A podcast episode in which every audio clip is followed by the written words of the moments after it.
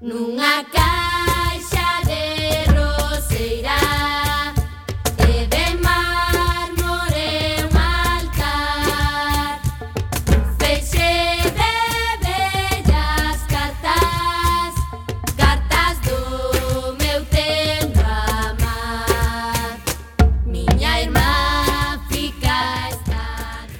Ola, que tal, recendeiras e recendeiros? Benvidos e benvidas a este espazo radiofónico semanal dedicado á cultura que facemos en riguroso directo todos os martes a 7 da tarde aquí, no 103.4 desta emisora Cuac FM da Coruña.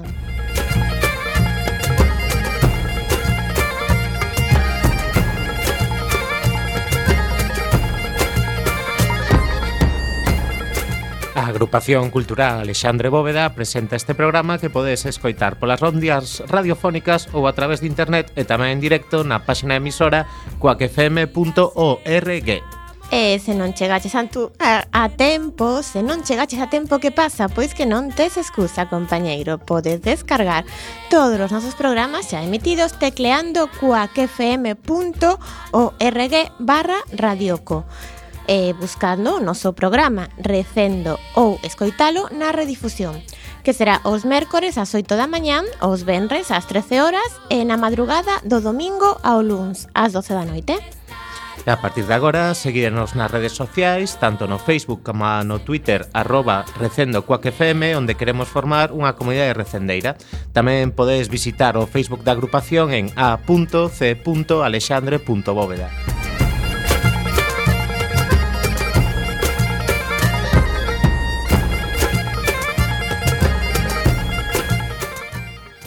E xa sen máis imos caralo na procura desta fantástica aventura cultural con Roberto Catoira no control técnico e falándolles coa alma inteira Javier Pereira. E Gemma Millán.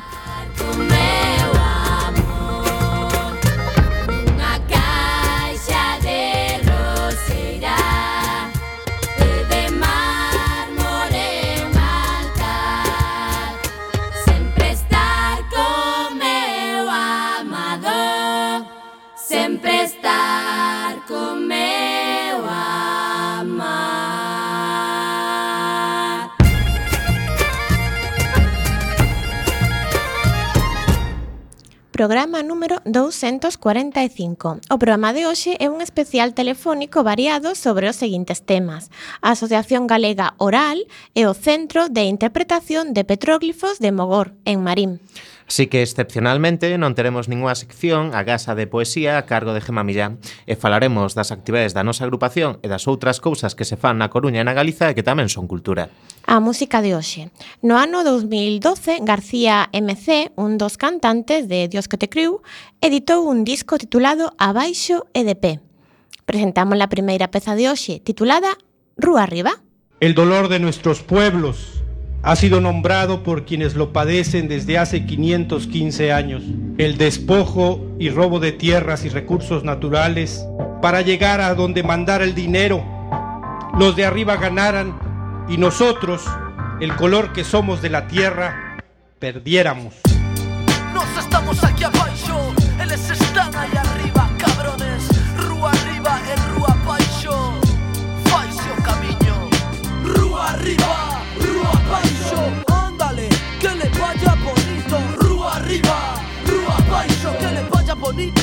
Órale, suavemente deslizándote Tensión o chegar a estación. Agárrese, que este camión se mueve, güey. E a propaganda dos poderosos cubre os muros da miseria. Eleccións constantes de ladróns diferentes. Cambian de siglas pero nada varía.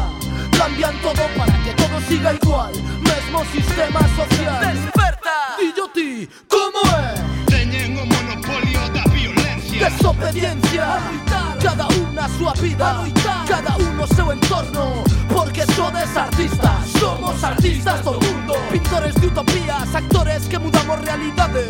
Músicos que denunciamos con notas musicales. E as pinturas esperan a que as cores as pinten Porque xa sabes, nesta globalización Todos os globos es pura. Balón de oxígeno para os de abaixo E esquerda para o corazón. Bombea o corazón dos povos En forma de autogestión Alternativa en forma de autonomía Na decisión democratizando a información Por medio dos medios. De contrainformación pasa acción Ponte on, actívate ante a manipulación. Se agora vos sentides fortes Sigamos camiñando, vamos. Rúa arriba, rúa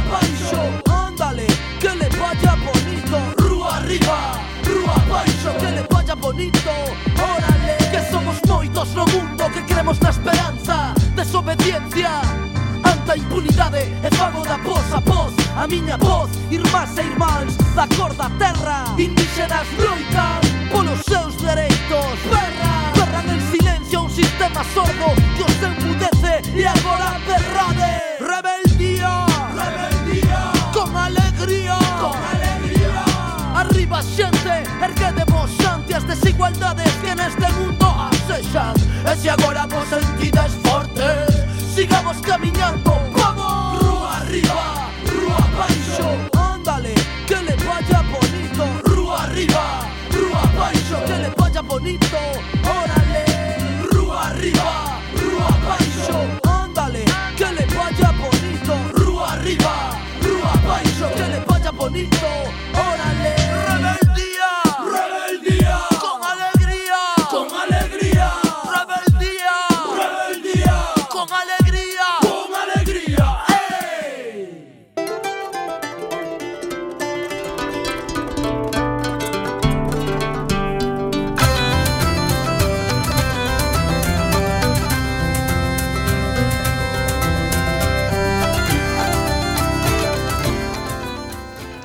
eh, comenzamos xa a locutar as axendas culturais para esta semana. Principiamos, como sempre, pola axenda da nosa asociación, a Asociación Cultural Alexandre Bóveda. O Benres 3 de marzo, maratón de lectura da obra de Rosalía de Castro a cargo de dúcias de alumnos e alumnas de secundaria e bacharelato do Colexo Calasanz da Coruña. Será a partir das 17 horas. E xusto despois do maratón, Xosé Iglesias presentará o seu poemario A Religión do Mar. Será ás 20:30 horas no noso salón de actos. E o xoves 9 de marzo, Xosé Ramón Freixeiro Mato presenta o seu último libro Onde ferve o amor por Galiza, que contén 270 cartas entre Sebastián Martínez Risco e o galeguismo do exterior entre 1942 e 1977. Será ás 20 horas no noso salón de actos.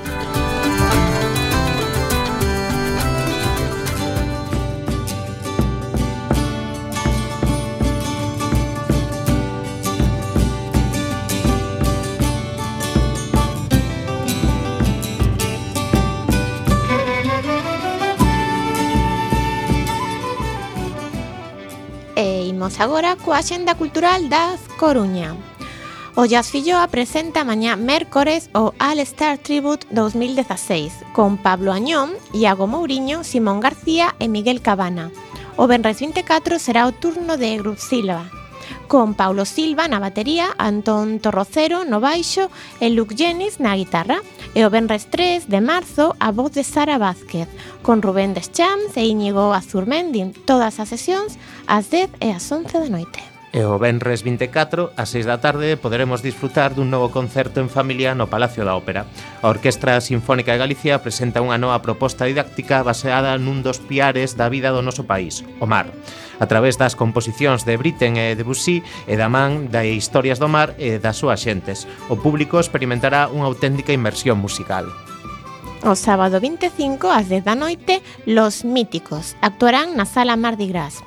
Tras o seu paso, o ano pasado, como The Decoders and the Band, este novo proxecto está centrado no rock and roll dos anos 60 e 70, cunha mini homenaxe a Elvis incluído. E o domingo continúa o ciclo Rockin' Sundays na Mardi, cun concerto para toda a familia a partir das 6 da tarde. Nada menos que unha sección especial Beatles a cargo de Los Plutones. Tamén o domingo a compañía ourensá a boa Jouja pon en estea o Aloumiño dunha estrela, unha viaxe sensorial que, coa rola da música da arpa, consegue que os picariños gocen da poesía da bóveda celeste. Será ás 11:30 e a unha no Centro Ágora. O venres 3 de marzo no Foro Metropolitano o dramaturgo Fernando San Segundo presenta Barrocamiento unha intelixente mirada sobre tres grandes autoras do século de ouro español, que se atreveron a competir sen complexos na pluma e na palabra. Trátase de María de Zayas y Sotomayor, Sor Juana Inés de la Cruz e Feliciana Enríquez de Guzmán, interpretadas por Rocío Marín, Alicia Lobo e Zaola Zamarreño. Dará comenzo ás 9 da noite. A nave 1839 propón unha tarde diferente para o sábado 25 cun cluedo vivinte que dará comezo a sete media no que varios equipos tratarán de descubrir quen matou a Martín Bidueiro. Pista sobre pista, música e misterio para dar paso á festa e o concurso de disfraces a partir das 9 da noite. A Sala Garufa celebra o sábado unha festa de carnaval cubano o son de Camagüey e o luns, día 27, unha gran festa de carnaval con los hot chocolates. As dúas darán comenzo ás 11 da noite.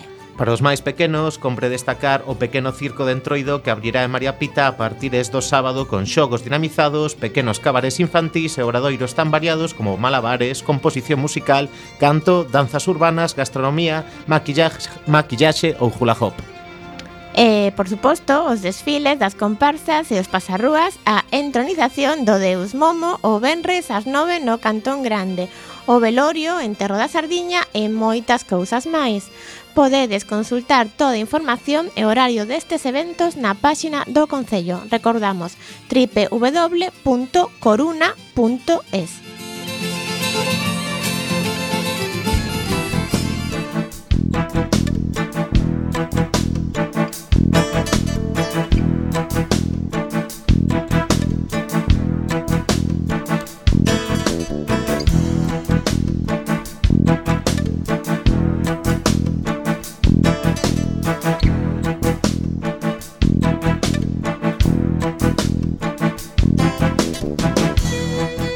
E a quenda da Xenda de Galiza, comezamos por Lugo, Milladoiro ofrece un concerto mostrando a súa versatilidade no oído da música folk como embaixadores da cultura galega por todo o mundo. Fusionan e investigan nomas, novas formas artísticas tras case 40 anos de existencia dende a semente creada por Faíscas do Xiabre. Xoves 23 ás 21 horas no Auditorio Municipal Gustavo Freire. Viaxamos agora a Ourense, onde Xurxo Cortázar presenta Desconexión. O feito de ser un monicreque sen personalidade definida provoca fuxir hacia a liberdade, para converterse nun ser humano.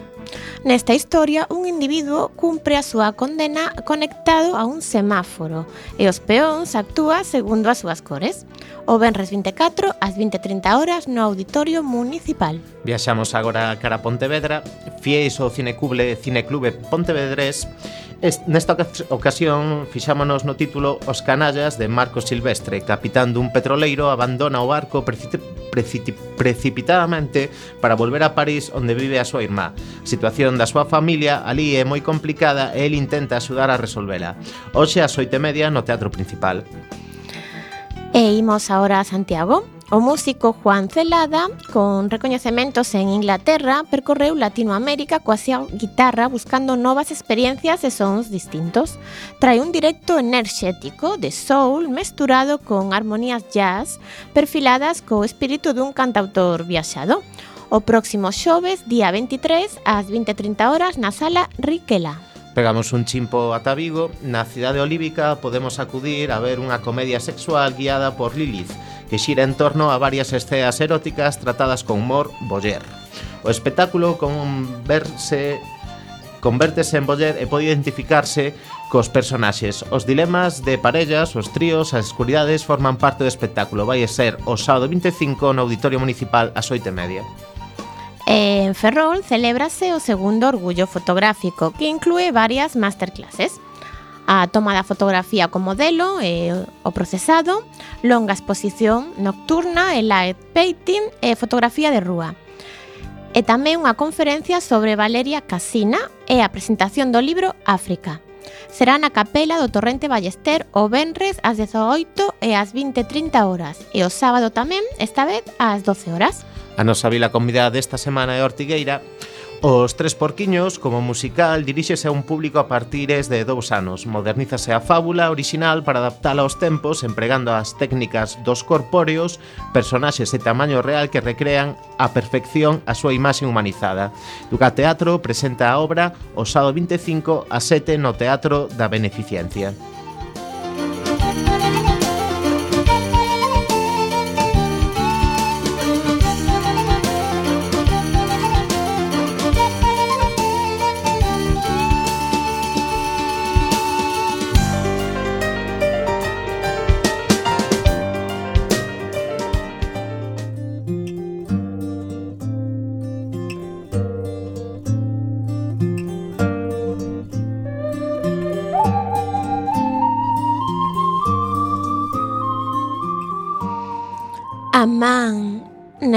silenciosa e palpitante o. As nebras nos meus ollos condensadas, con un mundo de dudas nos sentidos, e un mundo de tormentos nas entrañas, sentindo como loitan en sen igual batalla. Inmortales desexos que atormentan rencores que matan Mollo no propio sangue a dura pluma Rompendo a vena hinchada escribo Escribo Para que? Volvede ao máis fondo da alma Tempestosas imaxes ide a morar coas mortas relembranzas. Que a man tembrosa no papel só escriba. Palabras e palabras e palabras. Da idea a forma inmaculada e pura. Onde quedou velada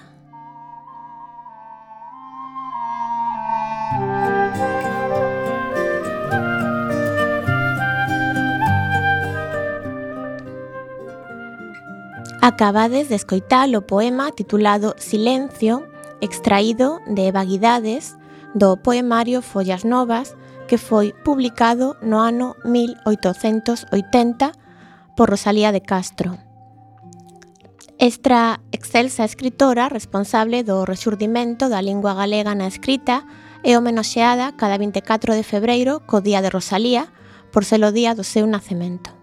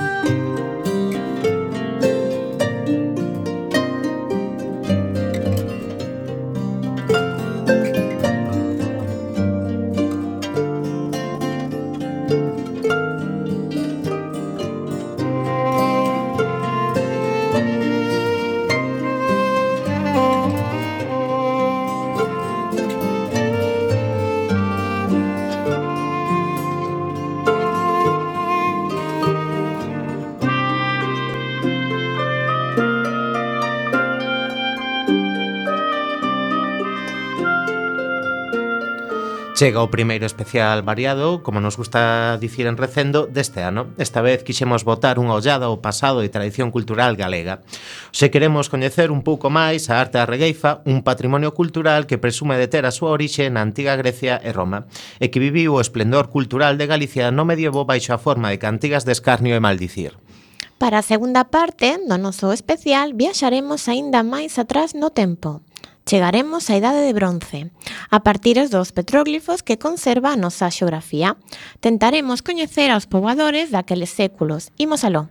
Pero antes, presentaremos os nosos convidados. Esta tarde conversaremos coa Asociación Galega Oral e co Centro de Interpretación de Petróglifos de Mogor, en Marín.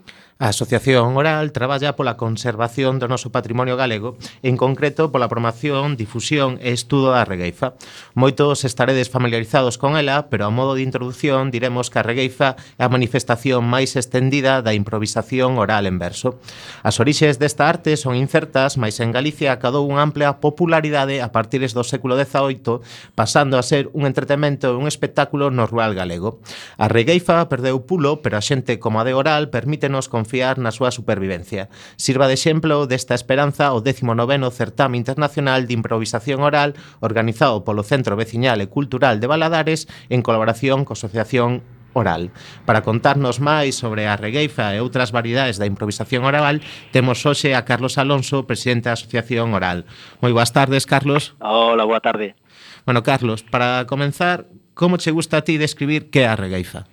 Bueno, home, mm, eh, trato de, de, de describirla de unha maneira que se entenda ben, eh, pero bueno, basicamente unha reifa é unha controversia en verso, mm, e, e iso que é fácil de definir, pero pero difícil de facer. Entonces, pero bueno, sí, basicamente é iso, unha controversia en verso que se mantén evidentemente entre dúas personas, eh, de xeito improvisado, eh, e nada máis. Mm, moi ben. Eh, agora imos falar un pouquiño de oral. Como nace oral e cal é a vosa motivación? Bueno, oral pois vai a facer agora para este fai neste ano pois uns 20, 20 anos que se fundou. Eh, nada, pois a realidade é que mm, eh, naceu aquí en Vigo, aínda que non é hai tradición aquí, pero, bueno, de, de feito intentouse por en marcha primeiro pola zona de Bergantiños, pero non, bueno, parece que non topamos as persoas apropiadas ou ali, pois, bueno, non, non o vían claro e demais que a necesidade de, de formar unha asociación para pa tratar de recuperar todo o tema relacionado ca improvisación en verso. Entonces, pois, bueno, dixemos, bueno, pois nada, o que non pode ser é que permitir que este mundo eh, apasionante que chegou hasta nós pois desaparezca sin que ninguén intente facer nada. Entón, pois, pusémonos nós a intentar facer algo eh, e, bueno, ao, o, final, pois, despois de moito tempo, pois non fixemos moito, pero penso que un pouco, un pouco, si. Sí. Bueno, ainda que sodes humildes, hai que dicir que, que, que ahora neste 20 anos leva moito feito.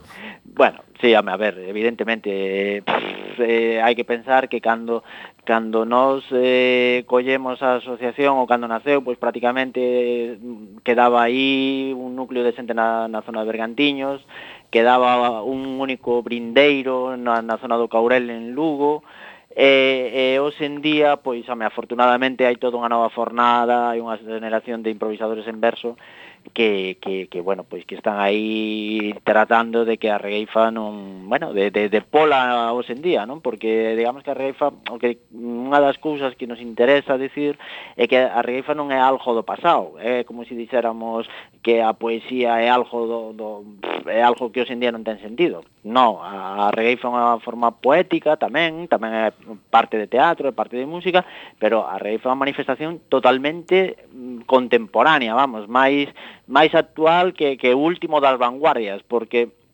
porque a reifa construye ese día a día. Entón, eh, o sentido teno mm, na, na, na inmediatez, polo tanto, é algo que debemos de pensar nela como algo vivo, algo que realmente eh, é, é contemporáneo ao tempo no que vivimos. Algo que se reinventa cada vez que se xuntan dous regueifeiros. Como?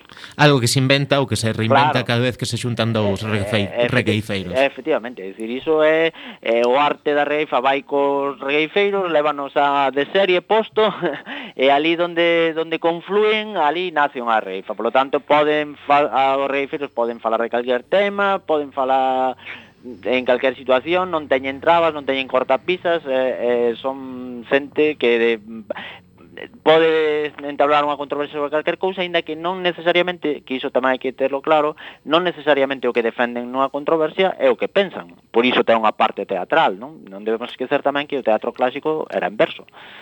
Eh, entón, bueno, pois por iso me interesa resaltar, eh, bueno, eh, hai outra cousa tamén, que é un arte que pode que, que mm, é facilmente trasladable ás novas tecnoloxías de hoxe, porque eh, polo WhatsApp, eh, por, por Skype, por mm, non, non chat en calquer lado, se pode entablar unha controversia, vamos. Claro que sí.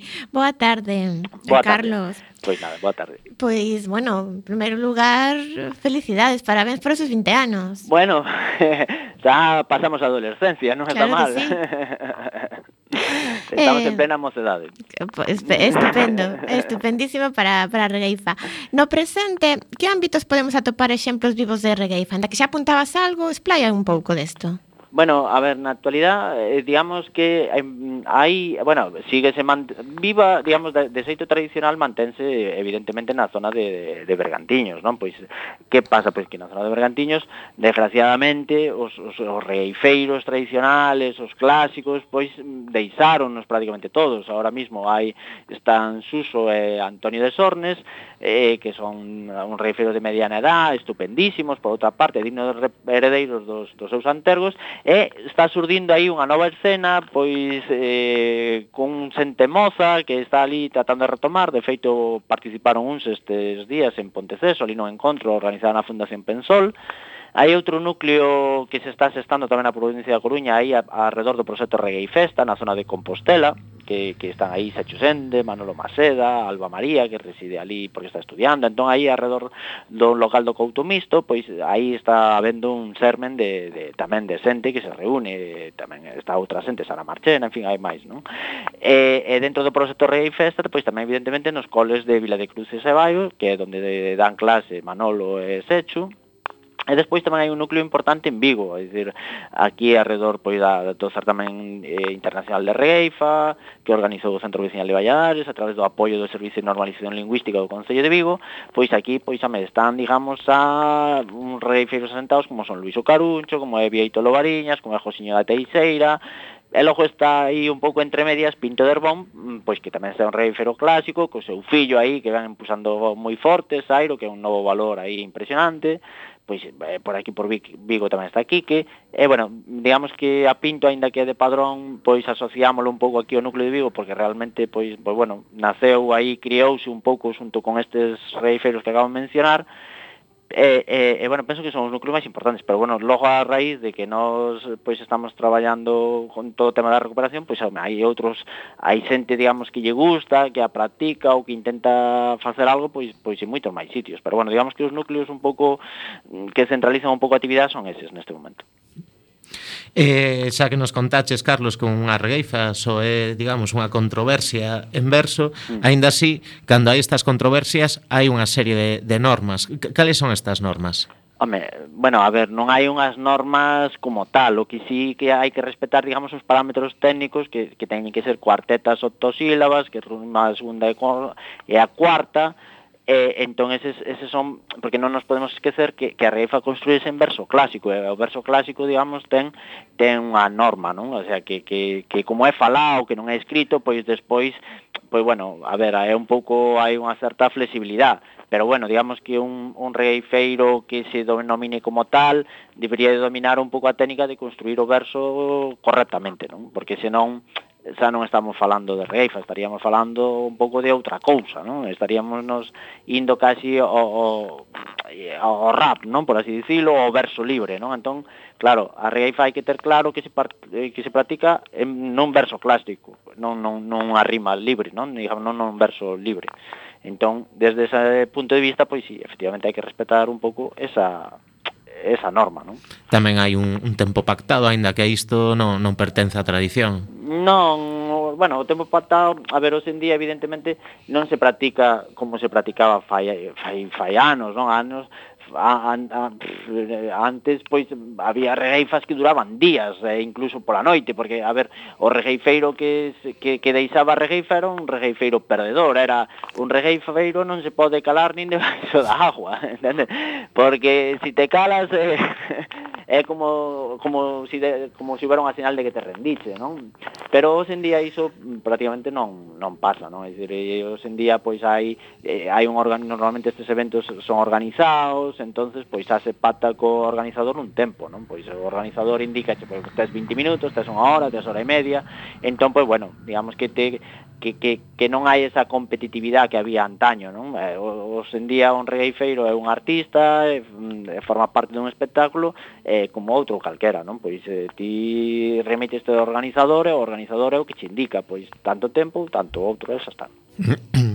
eh, a regueifa, aínda que improvisada, tamén se pode aprender, verdad, Carlos? Un pode aprender a ser re regueifeiro. Home, isto é como todas as artes, non? O sea, é como todas é, é, é donde a ver, cando hai unha habilidade por medio, pois evidentemente o que a ten parte con ventaxa non? Evidentemente, é como un futbolista ou calquer outro, hai o que ten o don, e ese o que o ten, pois parte iso, pois con, con ventaxa sobre o que non o ten. Ahora, como todo, como o fútbol, como outra calquera disciplina que requiere de habilidad, podes aprender, vas millorando, e, e pois, pois cada un acadará o nivel mm, Eh, que, que en función do seu traballo, da súa práctica, da constancia e, bueno, de outras, porque tamén si tes a habilidad, pero digamos non, non a cultivas, pois ao fin e ao cabo mm, tampouco non fixache nada, non? Entonces, digamos que iso, que eh, hai unha parte que tes que ter un pouco un pouco de facilidade para poder para poder practicalo e logo tes que ter outra logo tes que cultivalo, non? Carlos, ese que hai incluso certames internacionales de regueifas sí, bueno, porque iso é outra cousa que, que, que, que temos que ter clara, non? Que, que digamos que a Reifa tamén eh, sitúanos nun, nun mundo eh, no que mm, dentro de, de un mundo máis amplio no que hai distintas maneiras de, de improvisar en verso, non? Pero manifestacións similares, pois hai desde na península en distintos puntos, pois temos que pensar nos versolaris, temos que pensar pois abaixo na zona de Almería, Murcia, en Portugal, os cantares ao desafío están moi vivos, pero despois tamén en todo Latinoamérica, en distintas partes de Europa como Italia, eh, bueno, nas Canarias, as décimas, pero, eh, por exemplo, en Cuba hai incluso unha cátedra dedicada a improvisación en verso, entón, eh, nos, que a nosa singularidade, pois estamos nun mundo moito máis amplio, entón do que tratamos é tamén de que de dar a conocer esas outras manifestacións e que tamén que os de fora sepan que aquí tamén tamén temos artistas que se dedican ao mismo. Non? Entón, por iso, xa fai moitos anos que se organiza este certamen internacional aquí en Baladares, en Vigo, e alrededor del foi un pouco pois donde surdiu a asociación. Non? Interesante. E onde procedían os participantes que viñeron a Vigo? Pois, eh, neste ano viñe, veu xente de Portugal, eh, e penso que de fora, a ver, ahora non me acordo moi ben, pero teñen estado colombianos, teñen estado argentinos, teñen estado mm, brasileiros, O sea, ten estado xente de, de, da península, de, de Málaga, de Almería, de, de Murcia, bueno, ten estado de, por, eh, ten estado xente, bueno, tamén ten habido vascos, ten habido algún catalán que ali tamén se está intentando recuperar, de Mallorca tamén teñen vido, de Canarias, O sea, que teñen, teñen vido de, de procedentes de distintos sitios. Que pasa? Que o certamen tampouco non ten moitos cartos, e, eh, eh, trasladar a xente desde Latinoamérica, iso xa pff, son palabras maiores, porque solo en, en transportes xa estamos falando de moitos cartos que, que nós neste caso non temos. Bueno, para iso que se poida. para iso que se poida. Claro que sí. Tradicionalmente a regueifa é algo que se considerou prácticamente só de homes, aínda que penso que tamén houbo algunha muller. Agora mesmo isto cambiou ou seguen sendo maioritariamente os homes os que participan na regueifa? Bueno, a ver, eh, temos que pensar que eh, a regueifa está asociado á improvisación e ao cantar, non? O canto improvisado, digamos. E o, o canto improvisado facían tanto homes como mulleres, e de feito, pois, pois bueno, hai moitas pandereteiras que o practicaban, eh, digamos que antes era, era unha práctica hasta certo punto común, non? Porque era a, a maneira de divertirse, mezclábase temas aprendidos con, con variantes que se introducían nos encontros que se producían entre nos seráns, eh, bueno, en, nas, nas festas, digamos, onde confluía a xente, non? Entonces, eh, Pois, pois, bueno, pois, pois iso que mm, se me despistei ahora aí. Sí, carreguei para un medio de comunicación de entre ah, homens e mulleres, mulleres, incluso sí. de ligoteo, podría ser, sí, ser claro, ¿no? home, evidentemente xa te digo, era, claro, unha controversia, ao fin e ao cabo metíanse uns cos outros, era a maneira, unha, unha maneira divertida de, de, de, de coñecerse e de, de, de introducir ou de, ou de, de, de, de ligar, evidentemente, non? É o que me dicías o de se era de homes ou de mulleres, o que te dicía, non? Que antes, pois, as mulleres tiñan a mesma habilidade para improvisar que os homes. Que pasa? Que despois, cando saltou o palco da festa, pois a muller non tiña a mesma libertad para para estar en riba dun escenario que un home, non? Porque tiña outras obrigas, había unha serie de condicionantes sociales e demais. Pero iso non quita que, que non houbera mulleres que improvisaban, que o facían moi ben, e hoxe en día pois empeza a verlas de novo, pois que o fa moi ben, pois iso, aí está, pois iso Alba María, está Lupe Blanco, agora unha novo, un novo valor aí da, de Coristanco que está surdindo tamén e hai máis outras pois que están que están iniciándose e de feito nos obradoiros pois moitas veces maioritariamente o, o sexo que predomina son as mulleres, non? Eh, sigue, sigue, Javi. Eh, agora que falas dos obradoiros, Carlos, coméntanos un pouquiño como se desenvolven estes obradoiros.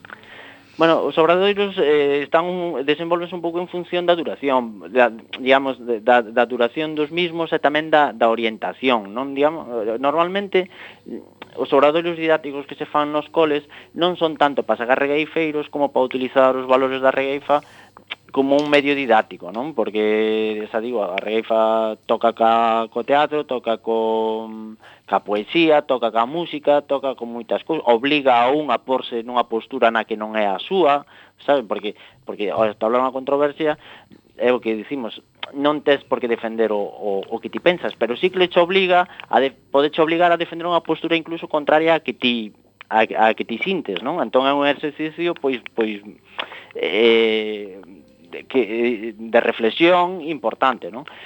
Entón, eh, eh, pois eh, pois iso depende da duración, depende a donde a donde este orientado, se iso se son poscoles, pois simplemente se trata de mostrar pois iso, o, o, os recursos didáticos que ten. Se xa son un obradoiros, digamos, orientados, pois a xente que, que quer iniciarse, pois o que se trata é de que sepan as claves, de que coñezan a maneira, eh, non, a, a forma eh, en que se improvisa e darlle de recursos pois para ir iniciándose nela e pa, pa, bueno, pois sobre todo para iso, non? Para iniciarse, para probarse, porque xa digo, non é unha disciplina que que este un pouco eh, hai que hai que currala, digamos, non non, non é unha cousa fácil, non? Como todo na vida, Carlos. sí, sí, evidentemente como todo na vida, pero claro, eh, é iso, que hai que, hai que, hai que probarse, non? Porque eh, logo, pois, eh, si tens que subirte a un escenario, pois un rei feiro non pode dar non cobras a torcela. Entón, pois, aí hai que ter moito callo para pa chegar aí, non? A, a poder a poder estar nesa situación. Para eso estades vos, Carlos, falando, falando, foise noso tempo casi desta conversa, estamos xa na última e derradeira pregunta. Pois Entonces, nada. queremos saber Para rematar, pois cales son as próximas actividades que tendes preparadas en oral e como, bueno, dos nosos ouvintes, como se poden poñer en contacto con vosco? Bueno, pois nada, aí podense por nós temos unha páxina máis ou menos que se actualiza periódicamente, que é eh, oral. o sea, reifa.gal, Entón aí eh, nesa páxina pois poden porse contacto, un correo electrónico que é oral@regaifa.org E despois eh, eh, actividades, pois nada, estamos preparando obradoiros, está aquí os que teñen interés en aprender de xeito gratuito podeno facer no CIOP, no Centro de aquí da interpretación da oralidade de Vigo que, que, que financia aquí o Concello de Vigo e calquera pode inscribirse a, da clases eh, Josiño da Teixeira todos os mércores aí entre 7 e 9 máis ou menos mm, da tarde e despois pois hai obradoiros puntuales en distintos puntos do país hai unha, hai unha radio tamén temos hai un programa de radio que chama Punta da Navalla que, que tamén se pode sintonizar entrando na nosa páxina E, e bueno, pois nada, así hai actuacións diversas, pero bueno, penso que o mellor para estar informado é entrar na nosa página web e aí pois pois podedes estar o día. Pois moitas gracias, estaremos atentos a esa páxina web e un abrazo para toda a xente de Valadares e os regueifeiros de Vigo. Pois nada, unha regueifeiras. Eh, efectivamente, unha aperta, gracias polo convite aí a Coac FM. Gracias a vos. Nada, saludos. Vico. Nos facemos a nosa primeira pausa musical nestas entrevistas, imos escoitar moi apropiadamente o tema de García MC co rapeiro mexicano Lengua Alerta, neste caso titulado O oficio da palabra.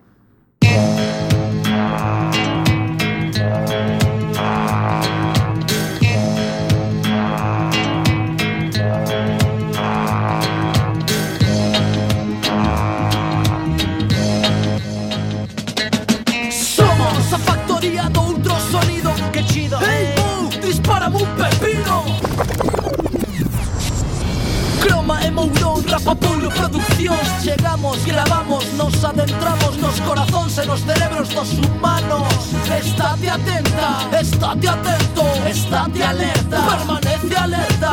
A lingua sempre desperta Oficio da palabra sagrada Aquí, en San Cristóbal de las Casas ou en La Habana. Dillo mi pana Buscamos el nirvana Oradores nocturnos, rabudos, activistas musicais aplicando temáticas políticos sociais contra grandes empresas internacionais que moven un dedo e moven un estado en México, en Galiza ou en calquera lado.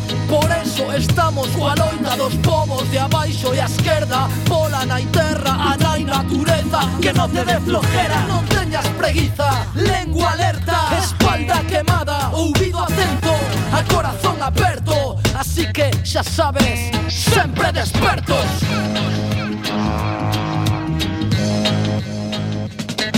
Mantente en alerta permanente ante un sistema intransigente porque sos peixes mortos seguen a corrente Mantente en alerta permanente ante un sistema intransigente porque sos peixes mortos seguen a corrente O Concello Pontevedrés de Marín conta cunha alta densidade de petróglifos, a maior parte deles concentrados nas parroquias de San Xulián e Mogor. Esta última parroquia conta cuns dos xacementos de maior revelancia a nivel internacional de Galicia. O motivo da súa zona é por contar con dous grabados que representan labirintos, unha das figuras menos frecuentes nos petróglifos espallados por Europa. Perto da praia atópase o Centro de Interpretación de Petróglifos de Mogor, onde se adican a introducir a xente no interesante mundo dos petroglifos, ao mesmo tempo que dan a coñecer os misterios da figura do labirinto. A maior parte destes gravados datan da idade de bronce, pero o seu significado e finalidade seguen a ser unha incógnita. Para falarnos máis destes monumentos históricos artísticos, contamos hoxe con Juan Castro. Moi boa tarde, Juan. Hola, boa tarde. Encantados de terte aquí en Recendo. Igualmente, estar con vos. Moi ben, pois para comenzar a entrevista, a pregunta é obrigada. Que é un petróglifo e como podemos identificalo?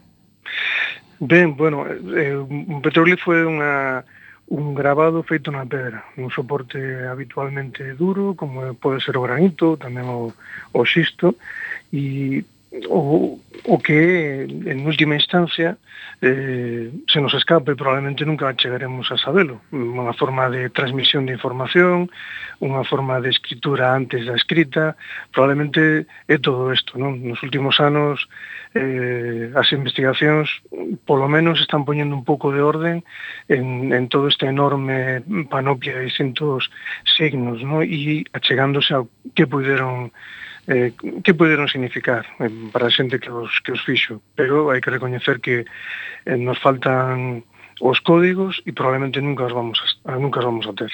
Bueno, unha incógnita interesantísima para nós e unha grande beleza, ademais. Sí, porque a marxen da, do significado que podan ter ou das interpretacións que hoxe en día son máis eh, aplaudidas ou máis consensuadas, é certo que teñen un indubidable valor estético, mm, sin dúbida. Cando, ademais, se poden ver coa luz axeitada, unha luz rasante, ben se xa eh, a tardiña ou pola mañan cedo ou se se ven de noite con unha luz artificial, a verdade é que a xente en xeral queda abrallada, non? Nos mesmos tamén, pero cando, cando hai visitantes, sen dúbida que quedan abrallados. Da gusto pre, presubir de contorno, non? Sí. Cando veñen a visitar. A ver, queremos saber tamén cales son as tipoloxías máis comuns que podemos atopar de, de petróglifos. Que é o que máis representado? Bueno, hai, hai dous grandes grupos. Eh, dentro do que decía antes desa de ordenar ese, ese enorme mundo de grabados, hai dos grandes grupos, un que se denomina habitualmente eh, abstracto ou xeométrico, porque non se, non se identifican eh, non, non se identifica que poden ser esas figuras, dentro deles podría estar eh, ou están os círculos simples, círculos concéntricos, eh, coviñas, eh, reticulados, líneas, e tamén están os, os laberintos. E outro gran grupo, que o, o figurativo ou, natural, o naturalista. Neste outro gran grupo están figuras que sí podemos recoñecer eh, como armas, como animais, sobre todo o cervo é o animal máis representado, tamén cabalos, ou figuras que representan eh, seres humanos. Eh, estes dos grandes grupos, mm, comentaremos logo, que, que se cree que obedecen tamén a motivacións distintas dentro daquelas sociedades. Os petróglifos de, de Mogor, Carlos, Eh, perdón, Carlos, estou, estou come, confundido co anterior entrevistado sí. Perdona, Juan eh, Os petróglifos de Mogor son especiais por, polos dous laberintos Que tenen de especial os, os laberintos?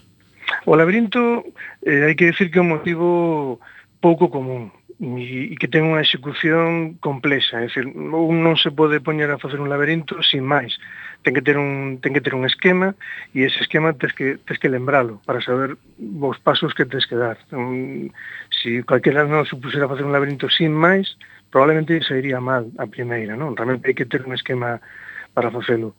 Eso fai un motivo singular. Mm, os, logo, realmente os laberintos en Galicia son, son escasos, son, son moi poucos os que hai, casi sempre situados na zona costeira, eh, hai en Meis, hai en Olla, hai un en, en Mondariz tamén, eh, pero son moi poucos, non? E estes dous, estes dous en concreto, un deles eh, está máis erosionado, está máis gastado, pero outro, que está situado na Pedra do Labirinto, ten un estado de conservación moi bo, un surco moi marcado e realmente é excepcional. Deste sí que podemos decir que probablemente o motivo eh, máis coñecida a nivel internacional da arte rupestre galega e iso é decir, iso é decir moito. Hmm. Sí, perdón, no, Juan.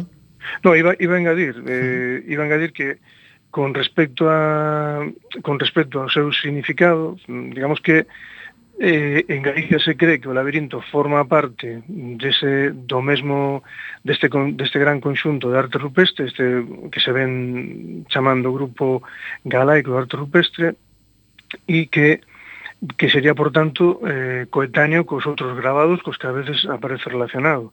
Entón, nos estaríamos movendo eh, dende o calcolítico ou bronce, ¿no? Pois podríamos propoñer unha data concreta eh, 2500 a 1000 antes de Cristo aproximadamente, non? Sempre se di que eh, son de aí 4000 anos, por, digamos, por redondear e, sobre todo, desde o punto de vista didáctico, para facelo máis máis entendible. Hmm.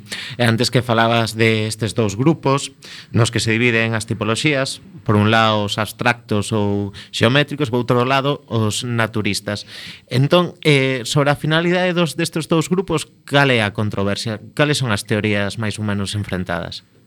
Bueno, eh, hai, hai digamos que hai moitas teorías distintas, non? Precisamente o escurridizo que esta, esta temática desde o punto de vista da investigación, o feito de que mm, desgraciadamente non podemos coller un paralelo antropolóxico e decir, bueno, pues si, si os indios Hopi en Arizona facían, facían laberintos, por exemplo, o significado que si coñecemos coñecemos que podían ter que podían ter para eles, automáticamente o, o trasladamos aquí, ou que facían os aborígenes en Australia, facendo círculos, círculos concéntricos, o podemos trasladar aquí. Eso non ocorre así porque eh, os, o símbolo eh, ten un significado distinto eh, no tempo, en distintas culturas, incluso ás veces na mesma cultura un mesmo símbolo significa cousas distintas según o contexto eh, en, que, en, que se, en que se encadre, no? co cual eso complica moito as cousas. Por tanto, tamén é verdad que é un terreo aboado para, mm, para que xurdan moitas teorías distintas. A día de hoxe, podríamos decir que a maior parte dos investigadores consensúan que o grupo xeométrico ten máis que ver eh, ten máis que ver coa relación desa sociedade co alén, mm, coas divinidades, e que incluso aí podría haber algún, algún tipo de especialista eh, que fixera as veces de, de mediador ¿no? entre eses dos mundos, o mundo dos vivos e os mundos do, dos, dos antergos, das divinidades, mm, por, por entendernos este, esta figura pues, noutras sociedades, non digo que nesta, eh? uh -huh. pero noutras sociedades eh, se coñece como chamán, por exemplo, e o mundo e o mundo que ten que ver coa, coa representacións figurativas eh, parece que o que está tratando é de, de dar unha linguaxe eh, de poder. Realmente, eh, no inicio, o inicio de, deste mundo, a aparición dos fotólifos ten bastante que ver co inicio da metalurxia e hai uns cambios sociais importantes que veñen xa de, de neolítico, unha progresiva individualización da sociedade, unha división, digamos, de poder, e entonces se representan unha serie de cuestións que eh, son habituais nas, nas élites desa sociedade.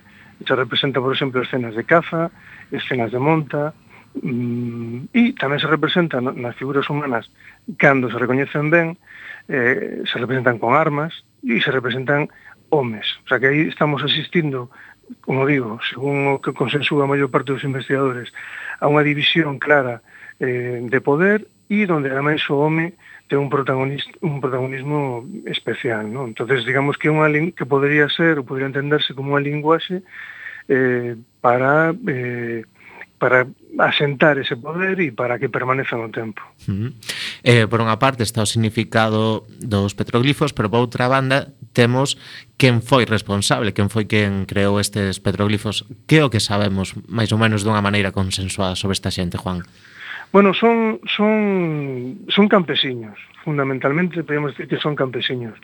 Eh, xa son eh, xa son habitantes, digamos, sedentarios, xa viven en aldeas durante todo o ano normalmente, me estou referindo aos cambios con respecto ao momento anterior, con respecto a neolítico, ao mundo das mamuas, ¿no? donde son seminómadas, donde eh, parece que parece que son unhas sociedades máis igualitarias, aquí hai unhas divisións de poder máis claras, pero basicamente son campesiños, eh, cultivan a terra, eh, teñen gado, eh, tamén fan, por suposto, recolección, e eh, despois introducen no seu día a día como elemento, eh, digamos, distintorio con respecto ao momento anterior, a metalurxia. A metalurxia e a aparición nese momento de obxetos eh, de cobre inicialmente, logo de bronce, e, bueno, xa máis adiante nada o ferro, eh, coa metalurxia do, do ferro, non? Uh -huh. Que interesante. Marín conta con abundancia de petroglifos. Hai algunha explicación para esta densidade de petroglifos aí na zona? Bueno, eh, non é distinto do que ocurre eh, no, no, no contorno. Eh, a, uh -huh Dentro de Galicia, a zona con maior densidade de arte rupestre son as Rías Baixas, eh, Terra de Montes, Baixo Miño, digamos o suroeste galego e a zona máis litoral, onde hai unha maior densidade de, de, de grabados. O porqué?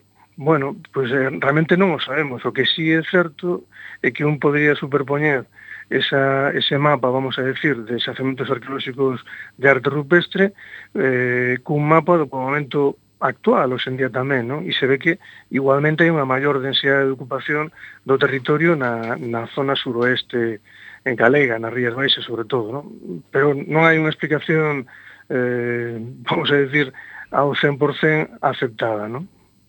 Sí, sí. E bueno, digo que, ademais, bueno, no, no contorno inmediato, hai concellos como pues, eh, Vilaboa, Cotobade, Moaña, Cangas, vou que tamén teño unha gran cantidade de xacementos de arte rupestre. E hai algunha relación entre os diferentes xacementos de Galicia e outras partes da península? Consideranse que todos pertencen ao mesmo povo, á mesma cultura ou considerase que son independentes entre eles? Bueno, hai, hai diferencias. Realmente o, a arte rupestre galega ten que ver sobre todo, por suposto, co que sale co que sale Galicia e o que sale tamén no norte de Portugal. Hai unha certa identidade, non? Logo hai tamén eh, está máis emparellado que o, co que sucede en canto arte rupestre no mundo atlántico. Eh, en Irlanda, en Escocia, hai, hai maiores similitudes, non? Realmente un pode ver un petrolifo, un círculo concéntrico en Escocia e se non se te ensinan a foto e non te dicen que estás en Escocia, podes dicir perfectamente que un que un grabado galego de calquera de calquera parroquia do, de Rías Baixas, por exemplo. ¿no? Hai, hai maior similitudes, maiores eh, semellanzas neste ámbito, no ámbito atlántico e logo tamén eh, no arco alpino, algo tamén polo norte de Europa. Pero sobre todo eh, o grupo galaico de arte rupestre eh, é un todo moi ben identificado e a maior concentración, unha das maiores concentracións de arte rupestre a nivel eh, peninsular. Eh, Juan, para ir rematando, imos eh, a xente que quere visitar o Centro de Interpretación en Mogor, como ten que facer? Bueno, o Centro de Interpretación de Mogor non está aberto continuamente, pero os tres grupos de, de petróglifos que temos ali eh, están sempre accesibles, co cual eh, non hai ningún problema. entonces o, a apertura continua do centro eh, vai ser eh, agora en Semana Santa, durante toda a Semana Santa, e logo no Brán, dende mediados de xuño ata mediados de setembro. Ese é o período de apertura continua, onde se abre todos os días, mañán e tarde, e só se pecha o, o luns. Pero para o resto para o resto do ano hai a posibilidade de concertar visitas. Son visitas eh, guiadas, previa reserva, son gratuitas e os datos de contacto están eh, na páxina na páxina de Facebook do, do Centro de Interpretación dos Petrolíferos de Mogor para pois, contactar. Pois moitas gracias, Juan, por esta conversa tan interesante eh, coa que aprendimos tanto hoxe. Sí, sí, é unha, é unha pena non ter tempo para máis. Un biquiño, Juan. Un bico. Muchísimas gracias a vos. Moitas gracias. Eh, e sen tempo para máis odiseas imos chegando a fin do camiño deste recendo. Despedimos o programa de hoxe agradecendo sempre aos nosos eh, convidados que sempre, sempre son de honra. Hoxe tivemos con nós a Carlos Alonso en representación da Asunción Oral e a Juan Castro en representación do Centro de Interpretación dos Petróglifos de Mogor. E agradecendo a semente de pedra angular de todo o noso comando e equipo de produción formado por Javier Pereira, Antonio Brea, Manu Castiñeira e Roberto Catoira. Hoxe aquí estivemos Roberto Catoira nos controis e falándolles coa alma enteira no micrófono Gema Millán e Javier Pereira. Acompañándote neste recendo de palabras e de imaxes radiofónicas que nos traen este aroma cantado na nosa lingua e que nos permite hoxe e tamén no futuro a permanencia da palabra, da música e da implicación e o compromiso coa nosa nación, a Galiza. O vindeiro martes e martes antroido, eh, festivo aquí na Coruña, co cual non teremos programa. Escoitaredes a redifusión deste programa de hoxe, pero próximo sí nesta emisora Quack